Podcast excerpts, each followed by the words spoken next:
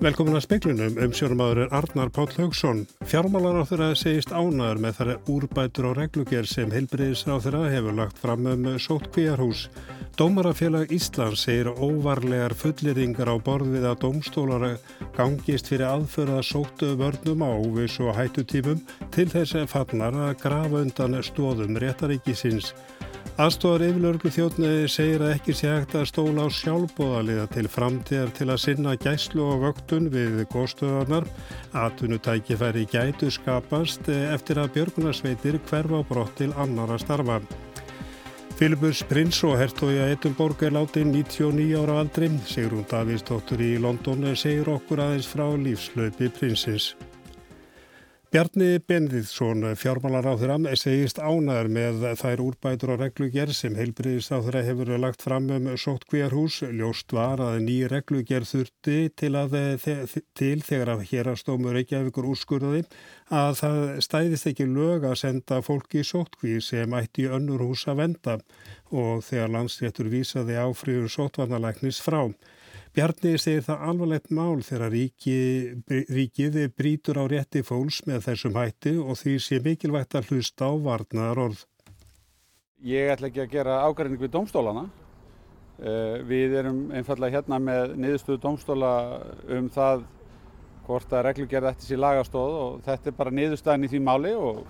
En er ekki alvarlegt þegar ríkibillin sveitir fólk frelsisinu þegar er ekki lagagrundöldur fyrir því? Jú, það tel ég vera og og reyndar hefur nú, það nú verið þannig að undarfærið ár eða svo að þegar að bent hefur verið á þetta þá hafa ymsir stíið fram og sagt að þetta skiptir bara engu máli í ljósi ástansins en ég hef nú verið talsmaður þess að það þurfa að hlusta eftir þessum röttum og það skiptir máli, ekki síst skiptir þær máli þegar það er verið að láta reyna þær. Saði Bjarni Bendisson og Magnús Geir Ejjólfsson að talaði við hann. Stjórnu Dómarafélags Íslands segir óvarlegar fullirðingar um niðurstöðu dómstóla geta grafi undan stóðum réttaríkisins. Hlutverkið sjálfstara dómstóla í réttaríki sé að fylgjast með að stjórnvöld virði þá skildu sína að laga heimildu þurfi til að skerða frelsi borgarana. Þetta segir í yfirlýsingu stjórnarfélagsins í dag vegna viðbræða við úrskurði hérastóms Reykjavíkur 5. apríl um að lagastóð hafi skort fyrir reglugerður á þeirra um dvöl fólks frá áhættu svæðum á sótt kvíarhóteli. Í yfirlýsingu Læknafélags Íslands daginn eftir var fullirt að úrskurðurinn væri alvarlega aðförað sóttvörnum landsins og til úrræða þyrrt að mega grípa á óvissu og hættu tímum. Alþingi yrði að tryggja heilbriðis yfirvöldum óeitjandi heimildir til aðgerða þegar alvarlegar farsóttir í geysuðu. Kári Stefánsson, fórstjóri íslenskar erðagreiningar fullýrt í Kastljósi í gerðkvöld að dómara hérastóms hefðu orðið á mistök. Dómarafélagið segir óvarlegar fullýringar á borðið að dómstólar gangist fyrir aðförða sóttvörnum á óvissu og hættu tímum ekki í samræmi við efnisatriði málsins. Slíkar fullýringar séu til þess fallnar að grafa undan stóðum réttaríkisins. Í yfirlýsingu Dómarafélagsins segir einnig að stjórnarskráin og þær skuldbindingar sem Íslenska ríkið hafi undirgengist byggja á framangreindu sjónarmiði og að máræfnarlega gríni á störf dómstóla eigi alltaf rétt á sér. Markus Þoraldsson saði frá. Móðir fjölfallas manns fyrðar sig á hversu illa gekk að fá svörum hvaða forgangsópi hann tiliði. Margir í sviparu stöðu hafi þegar verið bólusettir. Hluti fólks í búsettukjörnum hefur fengið bólusetningu en Elmar Sigursson býr í foreldrahúsum. Þá er bólusetning fallara mislangt á vegu komin eftir sveitarfélugum. Móður Elmars, Hildi Arnardóttur, finnst vant upp á samræmið. Það sem að hann er viðkvæmistu hópurinn, myndi ég ætla, að hann getur hvorki gett eigin sóttvarna nýja annars, hann getur ekki verið einn. Hann þarf þjónustu allan sólarhengin. Uh, við alla svona daglegu vennjur og er, hittir mikið af ólíku fólki til þess að komast í gegnum daginn. Þannig að hérna uh, okkur fannst eðlegast að hann var í hópið þrjú en við fáum aldrei að, að vita hvað hann er í röðinni. Og svo er bara greinilegt að hann hefur ekki verið í hópið þrjú frekar en margir hans félagar. Um, þannig að, að væntalega hefur hann verið settur í hóp sjö sem er fólk með undirlíkjandi sjúkdóma um, en okkur fannst mjög erfitt að fá ekki að vita hvað hann er í rauðinni og bara Var það bara þannig að þið voru að senda skilabóð, tölvupóst og bara fenguð ekkert svar? Já, engin svör. Heilsugjastlan á höfuborgarsvæðinu segir enga hópa hafa glimst en vissulega sé bólusetning mislangt komin eftir sveitarfélögum. Elmar fekk í morgun bóði bólusetningu setna í mánuðin. Arnildur Haldunardóttir saði frá að talaði við Hildi Arnardóttur. Rökkvaldur Ólásson eh, aðstóðar yfirlörglu þjóðna segir ótakt að manna vöktun og gæslu með sjálfbúðaliðum björgunarsveita við góðstöðarnar til langs tíma. Stemt sé að því að fá landverði til að taka við hlutverkinu sem gæti haft góð áhrif á atvinnulífi suðunisjamanna. Frá því að gós hófst hann 19. mars hafa björgunarsveitir og aðri viðplasaðalar synd gæslu og vöktun við góðstöðarnar á Reykjaneskaga. Fyrir páska var farið að ræða um að björgunarsveitir myndu draga úr viðbúnaði en síðan þá hafa fleiri sprungur opnast. Rökkvaldur Ólafsson segir það til skoðunar hvernig gæslu á svæðinu verði háttað. Jú, þetta er allt til skoðuna en það held ég alveg ljóst og held öllum sér full ljóst að það er ekkert að keira þetta á með öllum þessu viðbræðsalum sem eru núna til framtíðar. Þetta er, er fólk náttúrulega sem ávara sinna öðrum störfum og stór hlutur sjálfbúðulegar sem að hérna er ekki náttúrulega að gefa sér að geti sinn þessu endalust og það er búið að benda á það og það er, er til skoðuna hvernig er hægt að leysa, leysa þetta svona til, til framtír og hvort það sé að það hægt að setja eitthvað landverið þannig í þetta verkefni. Suðunis hafa vorið einna verst úti hvað var að ratvinnuleysi vegna faraldusins. Ljóst er að við uppbyggingu og gæslu á svæðinu skapast eitthvað ratvinna sem ekki bauðst áður. Það er allavega eina af þeim hugmyndir sem hefur veltu upp. Ég er náttúrulega svo sem ekki með þetta á mínu borði, það er aðri sem er með það, en ég veit allavega að þetta er eina af þeim hugmyndir sem hefur veltu upp. Fljótlega eftir að gósið hófst á hvað ríkið er leggja 10 miljónir króna í innviða uppbyggingu við góðstöðarnar. Ég veit bara að vera að vinna það, þetta er náttúrulega samstafs margra aðala og, og það er einnig greiðlega margt sem að þurft að gera þetta og það er náttúrulega að forgámsa uh, því öllu saman en ég veit ekki alveg nákvæmlega uh, hvar það er statt en, en, en það er náttúrulega líka búið að gera ímislegt, það er náttúrulega búið að eh, bæta í, í göngustíðana og laga þá til og, og svo er alltaf komið bá til að það þurfa að setja upp nýja göngustíga eða slípa til leiðir og, og það náttúrulega hefur, súvinna hefur í gangi. Það er greiðilega margt sem að þarf að gera og bæta inn við, bæðið með göngustíga og svo náttúrulega er ekki rafmagnarsæðin til dæmi sem er eitthvað sem þarf að skoða líka. Náttúrulega eru með fjarskiptatæki hérna sem að erum ekkert að keira endalust að vara afli. Þetta var Rökkvaldur Ólarsson, Bjarni Rúnarsson tók saman. Og meirum gósið, vísindamenn hafa ekki komist að niðurstöðum hvernig flokka beri gósið í geldingadölum. Við upphaf þess voru nefnd líkindi við kröpluelda og svo gætnar það verið nefndi dingjugós og bent á dingjuna þráinskjöld sem er rétt hjá góstöðunum. Dæmigerð gós á Reykjaneska eru hins vegar mjög lítil segir Magnús Tömi Guðmursson, profesor í jarðeðlisfræði. Það er náttúrulega bara mjög mismunandi hugmyndir á lofti og er byggjast nú flestar á samanbyrðu annað eða jarðsúðu svæðisins. Ég finnst að tekja vel jarðsúðuna hafa bent á að þetta sé svæði þar sem verða góð sem við getum kallað dingjugós sem getur orðið langvinn og uh, þetta hafi við senkynir þess og það er alveg rétt. Hins vegar er þetta svæði það sem enginn þetta svæði fyrir utan tvær stórar myndanir sem eru Faradarsfjall sem er frá jökultíma og Þráinskjöldur sem er frá lok Ísaldar þá eru þetta mjög litlar myndanir, mjög lítil raun og móbersfjöllin sem eru þarna eru líka mjög lítil þannig að eh, svona dæmikert góðs á þessu svæði er lítið en tíminn mun leiða þetta ljós. Sæði Magnús Tömbi Guðmundsson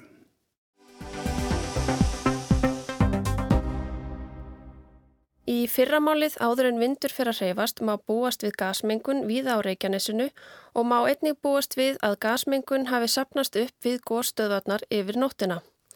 Eftir hádegi berst gasmengun engum til norðurs og síðar norðausturs og gæti borist að vógum og til höfuborgarsvæðisins. Þá ætti að skána ástandið vestanmein við eldstöðina. Annað kvöld má búast við að gasmengunin berist til norðausturs og austurs.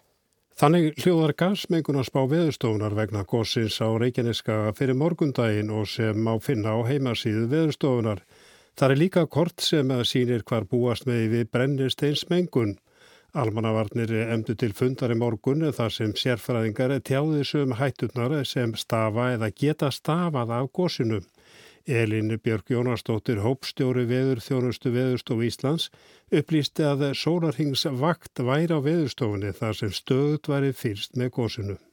Þannig að ef það verður einhverja breytingar eða eitthvað gerist sem að verður til þess að það verður til dæmis í byggð að þá fer það ekkert fram hjá þeim sem er að vakt og, og, hérna, og íbúður verður látnir vita í gegnum almannavarnir þannig að það er allir að geta sofið rótt þó að það sé eldgós svo til í bakgarðinum.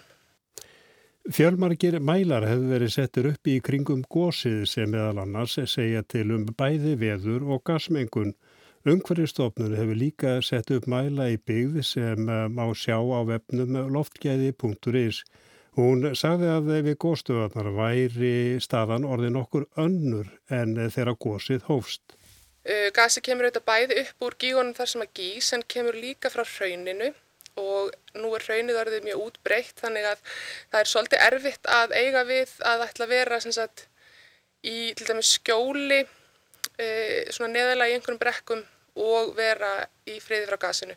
Þannig að það er, ekki, sagt, það er mjög mikilvægt núna allir fólk að skoða gósið að vera e, svolítið upp í brekkunum, finna helst vindin í bakið og, og vera tilbúið til þess að breyta um leið ef, að, ef þið farið að finna vind sérstaklega framann í ykkur. Magnús Tömi Guðmusson, jarðeðlisfæðingur, bent á þrjú atriði þegar kemur að hættunni við gósið. Fjórða atriði væri reyndar að mikilvægt væri að vera vel búin þegar að gengið væri á góstað. Í fyrsta lagi bent hann á að enn væri hugsanlegt að nýjar sprungur mynduðust. Kvikugangurinn neðanjarðar væri 8-9 km langur frá keili og suðra náttaga. Meiri líkur væri á að nýjar sprungur mynduðust fyrir norðan Geldingadal en líka fyrir sunnan fyrsta gósið. Ef sprunga opnast, uh, til dæmis svona í Geldingadölum, þá byrjar það þannig að það byrjar að streyma upp heit gufa og gas og síðan kemur kvikan og, og þessi fólk sé svona frekar aflókuðum stað að þá er það mjög óþægilegt og það getur verið hætta og þess vegna þarf að breyta uh, leiðinni inn í, inn í að góðstöðunum. Ef menn nefndi í slíkum aðstæðum væri eina leiðin að forða sér til hlýðar eins fljótt og hægt væri, þá gæti verið varasamt að fara ofur nærri raun jæðrinum. Raunir gæti úr bröttum raunbrúnum. Hann saði frá því að Steinþór Sigursson jarfræðingur hefði látist þeirra raun fjall yfir hann í Heklugosnu 1947. Annað aðrið eru undanhlaup það er að skemmtilega brjótist undan út úr, úr raunbrúninni e, glóðandi kvika og getur farið mjög hratt. Og þannig að það brattar raunbrúnir ekki þar. Og e, það er að passa sig á þessu. Hann e, talaði líka um gósmengunum ráðværi að fara aldrei niður í lagðir.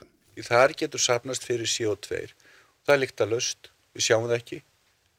Og ef fólk fyrir honni slíka lagðir þá bara getur liðið yfir það og það er ekki þá ekki hlaupið að því að bjarga fólki þaðan e, því að þeir sem reyna að bjarga þeir lenda þá kannski í því sama. Þorstein Jóhansson er sérfræðingur í loftegæðum hjá Ungveristofnun upplýst að á vef Ungveristofnunar væri að finna tölur um mengun sem væri uppfærðar á tíu mínútna fresti.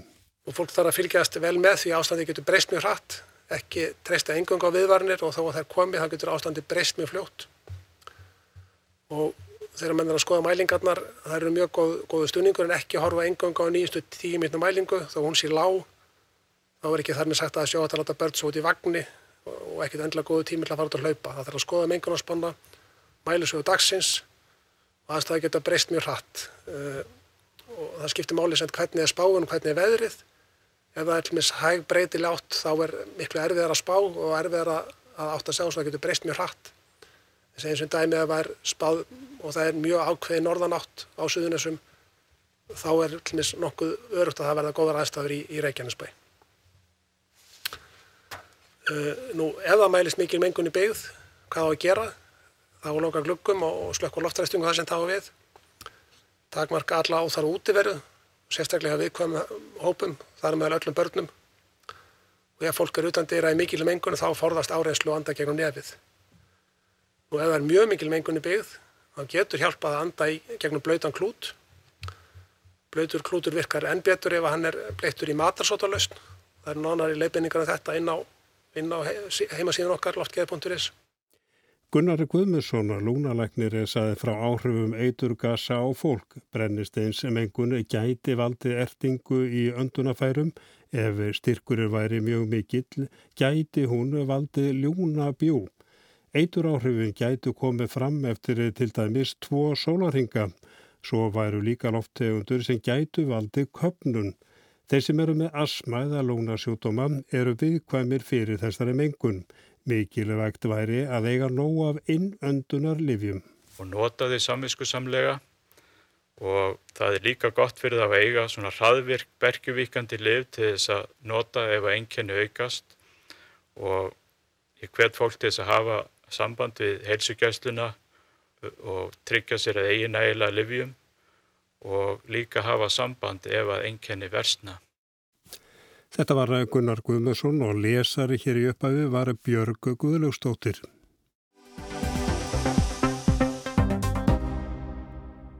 Filibus prins hertogin af Edinborg, eiginmaður Elisabetar Bretadrottningar, lést í dag og breskir fjölmiljar hafa sjálfsögðu varla fjallað um annað. Segur hún, byrjum aðeins á byrjunni, hver var Filibus prins? Hann fættist 1921, hann hefði orðið 100 ára núna í júni, hann fættist sem Filipos Greiklandsprins, hann var grískur, uh, grísk-danskur prins, afkomandi bæði Kristjáns nýjunda Danakongs og Georg Kongs af Greiklandi. Þannig að hann var í rauninu eðalborinu svo hann fættist á inni í evráska konungsfjölskyldun. Já, en það var engin prinsabragur á æskunni, e, stríðstímar og fjölskyldan sundraðist þegar hann var lítill, pappin flutti til Mónaco, hann var mjög dögandi fjárhættuspilari og mammans lendi á gæðvikrahæli, hann misti uppáhald sýstur sína þegar hann var táningur og var svona í skóla hér og þar og e, allt þar til að ættingjar í Englandi tók hann að sér, hann var flugmaður, lærði það og gekk svo í sjóherinn og átti mjög farsalan uh, feril þar í annara heimstyrjöldinni. En hvað hitti prinsinn svo prinsusuna eða prinsinsan prinsinn? Það er fjarska sætt saga. Elisabeth er fimm árum yngri en hann og þau hittust þegar hún var táningur, 13 ára eða svo. Það voru þessi fjölskyldutengsl og þau fóru svo að skrifast á þegar hann var hermaður í síðari heimstyrjöldinni og það endaði með brúðkaupi 1947 sem að merkilegt nokk og aðtiklisvert var fyrsta konunglega sjónvarsbrúðkaupið, hann var herrtógin af Edinborg og, og síðar Breskur prins, tók upp móðurnafnið Battenberg sem að fjölskyldan hafi breytt í Mountbatten til að afmá þýskutengslinn, Sam og breska konungsfjölskyldan gerði reyndar þegar hún fór að kenna sig við Windsor 1917 í stað þess að vera Saxe, Coburg og Gotthættin. Þannig að þetta er svona saga Evrópi hnótskurt þetta. En það er oft verið erfitt fyrir nýja meðlimi að komast inn í að konungsfjölskylduna. Hvernig var Filipussi tekið? Auralaus og landlaus prins vakti nú litla hrifningu til að byrja með en prinsinn þekkti fjölskylduna út og inn og anstætt kannski yngra fólki uh, síðar sem hefur gifst inn í fjölskylduna. Nú Filipus hjælt sínu striki sem hermaður og þau hjónun áttu svona þokkalega eðlegt líf en það breytti svo þetta 1952 þegar Georg Sjötti, fadir Elisabethar, dó, hann var ekki nema 56 ára og ungu hjónin hafði líklega vonast eftir aðeins fleiri árum utan konungdómsins. En prinsin var í raunni í fullu starfi sem eigimaður drottningar en hvernig tók hann á þessari nýju stöðu sinni? Hann vissi svo sem að hverju hann gekk, eina eftirsjáin sæðan var að þurfa hætti hernum, hann hafði unnið sig upp þar. En heyrum hérna hvað hann hafði sjálfur um þetta að segja í viðtali 1984. Well, I, I never thought of it as a role. I mean, it's just a way of life. I mean, it's just, um, I just got on with what seems to be the sensible thing to do under the circumstances. I mean, I don't visualize myself as playing a part. Prinsinn hugsaði þetta aldrei þannig að hann var að leika eitthvað hlutverk, lífi var bara svona og hann gerði það sem virtist skynsamlegt. En hann þurfti greinlega að finna sér sín eigin viðfangsefni. Hvað tók hann sér svona helst fyrir hendur? Það er aðdeglisvert að Filipus var farin að tala um umhverfismál uh, fyrir áratugum síðan, var alltaf mikill náttúru unnandi uh, og þannig að það er alveg ljóst hvaðan Karl Prins hefur ert áhugan. Filipus var verndari fjölda samtaka, syndi mikið æskulístarfi, trúði á að hjálpa krökkum með því að láta þau reyna á sig og gera eitthvað. Hann hafði mikið áhuga hönnun og já, kom víða við. Þegar að Filipus drósi í hlið 2017 þá hafði hann komið fram upp á eigin spýtur yfir 22.000 sinnum síðan 1952 þannig að hann sló ekki slöku við. En eh, prinsinn hafiði á sér svona annað yfirbræðin eh, drottningin sjálf var það ekki? Jú, hann var alltaf virðulegur en það var engin hátíðar slepja yfir honum. Hann var mjög hláturmildur eins og sérst á öllum þessum myndum sem eru til á honum. Drottningin er svo sem sko brosmild en það er alltaf svolítið svona, uh, yfirbræð hennar er alltaf svolítið eins og hún sé buguð af embættis þunganum. En heyrum hérna hvernig drottningin þakkaði manni sínum á gullbrúðkaupið þeirra 1997 þar sem hún hafi nefnt hvernig hún bar alltaf ræðurna sínar undir hann. And as you will imagine, his views have been expressed in a forthright manner. he is someone who doesn't take easily to compliments, but he has quite simply been my strength and stay all these years. Eins og við mætti búast, uh, sagði hún, þá hefði hann ekkit leið á skoðun sinni og hér hló prinsinn dátt. Uh, hann var ekki móttækilegur fyrir hrós en hefði verið henni stóð á stitta öll þessi ár. Og það er þannig sem allir tala um hann, mjög beinskettan, uh, ekkert mjálm, hann var mikill skapmaður en fannst líka alveg sjálfsagt að vel alltaf skrefi fyrir aftan eiginkona. Hann hafði ekki aðgangað ríkislindarmálum eins og hún hefur en þessu utan þá bar hún allt undir hann. En hann var reynda líka þekktur fyrir það að ganga svolítið fram af fólki. Það var kannski svolítið púk í honum, svolítið svona stríðin. Eh, það er fullt af klippum á YouTube þar sem hann er að segja eitthvað sem þótti afar óviðigandi.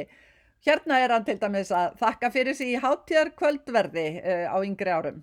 I'd like to say how very delighted I am to be here this evening. Uh, I can say that in all consciousness because I didn't know I was going to be given a check for 5,000 for turning up. Þarna þakkar hann fyrir bóðið sem hann glattist yfir að fá, jafnvel þó hann vissi ekki að hann fengi 5.000 pund fyrir að mæta sem á þessum tíma voru heil auðafi. Ég er búin að búa í Breitlandi í 20 ár og það verður ekki farið mikið fyrir honum þann tíma en eh, eftir að hafa farið yfir Ferilands í dag þá held ég að það hefði nú bara verið ágætt fyrir fjölskylduna að það hefði heyrst oftar í honum. Hann var mjög hreitn og beitt með báða fætur og jörðinni.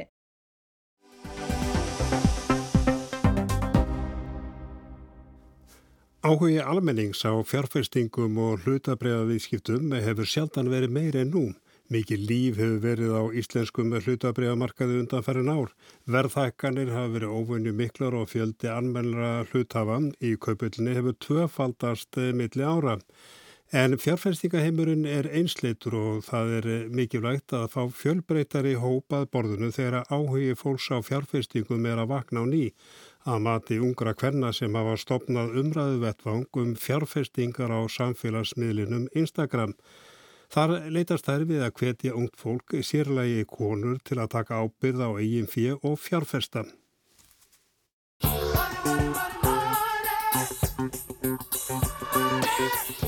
Allt frá fjármálakreppinu 2008 hefur áhugi almennings á hlutabrefum verið mjög lítill en nú hefur orðið viðsnúningur. Hlutabrifaverð hefur hækkað talsvert á síðustu mánuðum, viðskipti hafa aukist og almenningur tekur mun meiri þátt.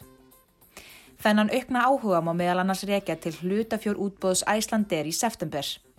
Það var opið almenningi og hluthufum félagsins fjölgaði úr rúmlega 3.000 í 11.000 eftir útbóðið. Þar með þó ekki öll sagan sögð. Látt vaksta stig ídurundi fjárfestingar þar sem peningar ávakstast lítið sem ekkert á bankareikningum, ólíkt því sem áður var. Fólk hefur því í auknum mæli farið að sína fjárfestingum áhuga. En hugtök eins og vörslusapn, ávöxtun, áhættu þól, áhættu dreifing, áhættu flokkun og fleiri kunna að virka ógnandi fyrir marga, sérstaklega þá sem ekki starfa innan fjármálageirans eða hafa kannski ekki mikinn áhuga á fjármálum.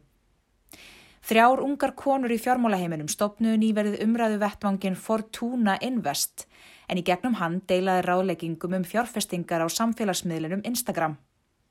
Markmiðið er að hvetja einstaklinga, sérlegi konur, til að fara með eigið fjö, fjárfesta og finna fyrir auknu fjárhagslu sjálfstæði og öryggi. Þær vilja fá meiri fjölbreytni en í fjárfestingaheimin sem lengi hefur verið afar karlægur. Til dæmis er engin kona forstjóri í félagi sem skráður í Kaupöld Íslands. Anita Rutt Hilmarsdóttir er ein ungu kvennana sem stendur að Fortuna Invest. Hún segir að Instagram sé frábær vettvangur til að deila upplýsingum um fjárfestingar og ná til breyðari hóps. Sérstaklega því að markmiðið var að koma þessu inn í þá daglega rútinu fólks og þessi kannski hópur sem okkur langar að ná til eru uh, flest allir á Instagram. Þannig að hugmyndin var að veita aðgengilega fræðslu þar þannig að hérna, þetta getur bara verið bara eins og hver annar postur sem að skoður Instagram frekar en það að þú þurfur að setjast neyður, uh, eh, ákveða meðvita að þú ætlar að taka einna tíma, 2-3 tíma kvöldi til þess að kynna bara hvernig hlutabriðamarkaðinu virkar. Og maður þarf ekki að liggja á digurum sjóðum til að geta byrjað að fjárfesta. Í flestum sjóðum er lámas upphæðin 10.000 krónur. Og eitt af þessu, af okkar megin hugmyndum, er líka við vildum breyta því hvernig er talað um fjárfestingar og gera þá fjármála og fjárfestingafræðslu aðgengilegri fyrir alla af því að þú þarfst ekki að hafa djúpa þekkingu á fjárfestingum eða hallaðir beint í fjárfestinga heiminn. Þú þarfst einfallega að búa yfir grunnþekkingu til þess að geta tekið upplýstur ákvarðanir um það í hverju þú ætlar að fjárfesta og hvers vegna þú ætlar að taka þessar fjárfestingar ákvarðanir. Anita starfa sem verðbreyfamiðlari. Fyrir tveimur árum starfaði engin kona sem verðbreyfamiðlari á Íslandi en nú eru þær orðnar þrjár. Anita segir að það þurfi að kveða niður mítuna um jakkafattaklæta karlmannin sem miðlara á fjárfesti. Allir geti fjárfest og það sé mikilvægt að konur séu sínilegar í fjárfestninga heiminum. Við höfum bara, bara séð gegnum tíðina að þáttaga hvenna á markaði er minni heldur en kalla og við höfum bara séð það í tölum bæði hjá þeim sem er að fjárfesta beint í þá hlutabröðum og séu sjóðuviðskiptum. Þannig að þá fannst okkur Eh, mjög líklegt að væri ekki nógu aðgengilegt fyrir þennan hóp hvenna að því rauninni sko ef þú ætlar að annar borða að fara að kynna þér fjárfestingar hvort sem það er að lesa bækur horfa á YouTube, hlusta á hlaðuverk þá er það oft í, langflestum tilvíkum annar kynið sem er að halda úti þessum þáttum eða að skrifa bækunar þannig að okkur fannst líka kannski bara komin tíma á að væri konur á nálgast á konur Fjöldi einstaklinga sem átti hlutabriði í kaupöllinni í lok ársins 2019 var tæplega 8.800. Í lok síðasta árs var þessi fjöldi komur upp í tæplega 17.000 og hefur því tvöfaldast milli ára. Frá því að markaðan náði lámarki í mars á síðasta ári hefur hlutabriðaverð hækkað um tæplega 91%. Af 29 fjölugum í kaupöllinni hafa brefi 24 hækkað í verði.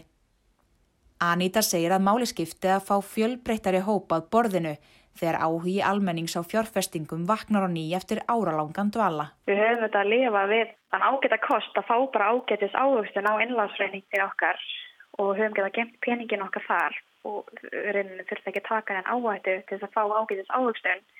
En núna með lækandi vakstastígi þá verður þetta áskorun fyrir mann að uh, fá ávöxtun á sparifíðið sitt nema maður taka ykkur áhættu. Og þess vegna er bara þarf að kynna hvernig markaðurinn virkar. Og eins líka að fólk þá geti tekið ákvarðanir byggt á sínu áhættu hlóli og þá hvaða fjárfæstingar ákvarðanir þau treysta sér í að taka. Að það er klálega núna rétti tímapunkturinn til þess að taka mótið þessum áhuga. Og það var Þóruldur Þorkilstóttir sem tók þennan pistil saman og talaði við Anítur Heilmarstóttur og það verður breytilega 8-3-8 og léttski á morgun en ekki einhver í suðvestana 5-8 með snjó eða slittugjölum á vestanverðu landinu sítegis. Híti um og yfir frostmarki í sítegis en vægt frostan orðaustan til. Við sögum meðlans frá því í speiklunni kvöld að fjármálar á þeirra segist ánaði með þar úrbætur á reglugjör sem heilbyrðis á þeirra hefur lagt fram um sótt kvíarhús. Dómarafélag Íslands segir óvarlegar fulleringar á borð við að dómstólar gangist fyrir aðföra að sótt vörnum á óvis og hættutímum til þess fallnar að grafundan stóðum réttaríkisins. Aðstóðar yfirlörglu þjóðnir segir að ekki sé hægt að þeir stóla sjálfbúðalega til framtíðar til að sinna gæslu og vöktun á við góðstuðarnar. Atunutæki færi gætu skapast eftir að björgunarsveitir hverfa brott til annara starfan. En það er ekki fleira í speiklunum í kvöld á förstundagi. Tæknumar var Mark Eldred, verið sæl og góða helgi.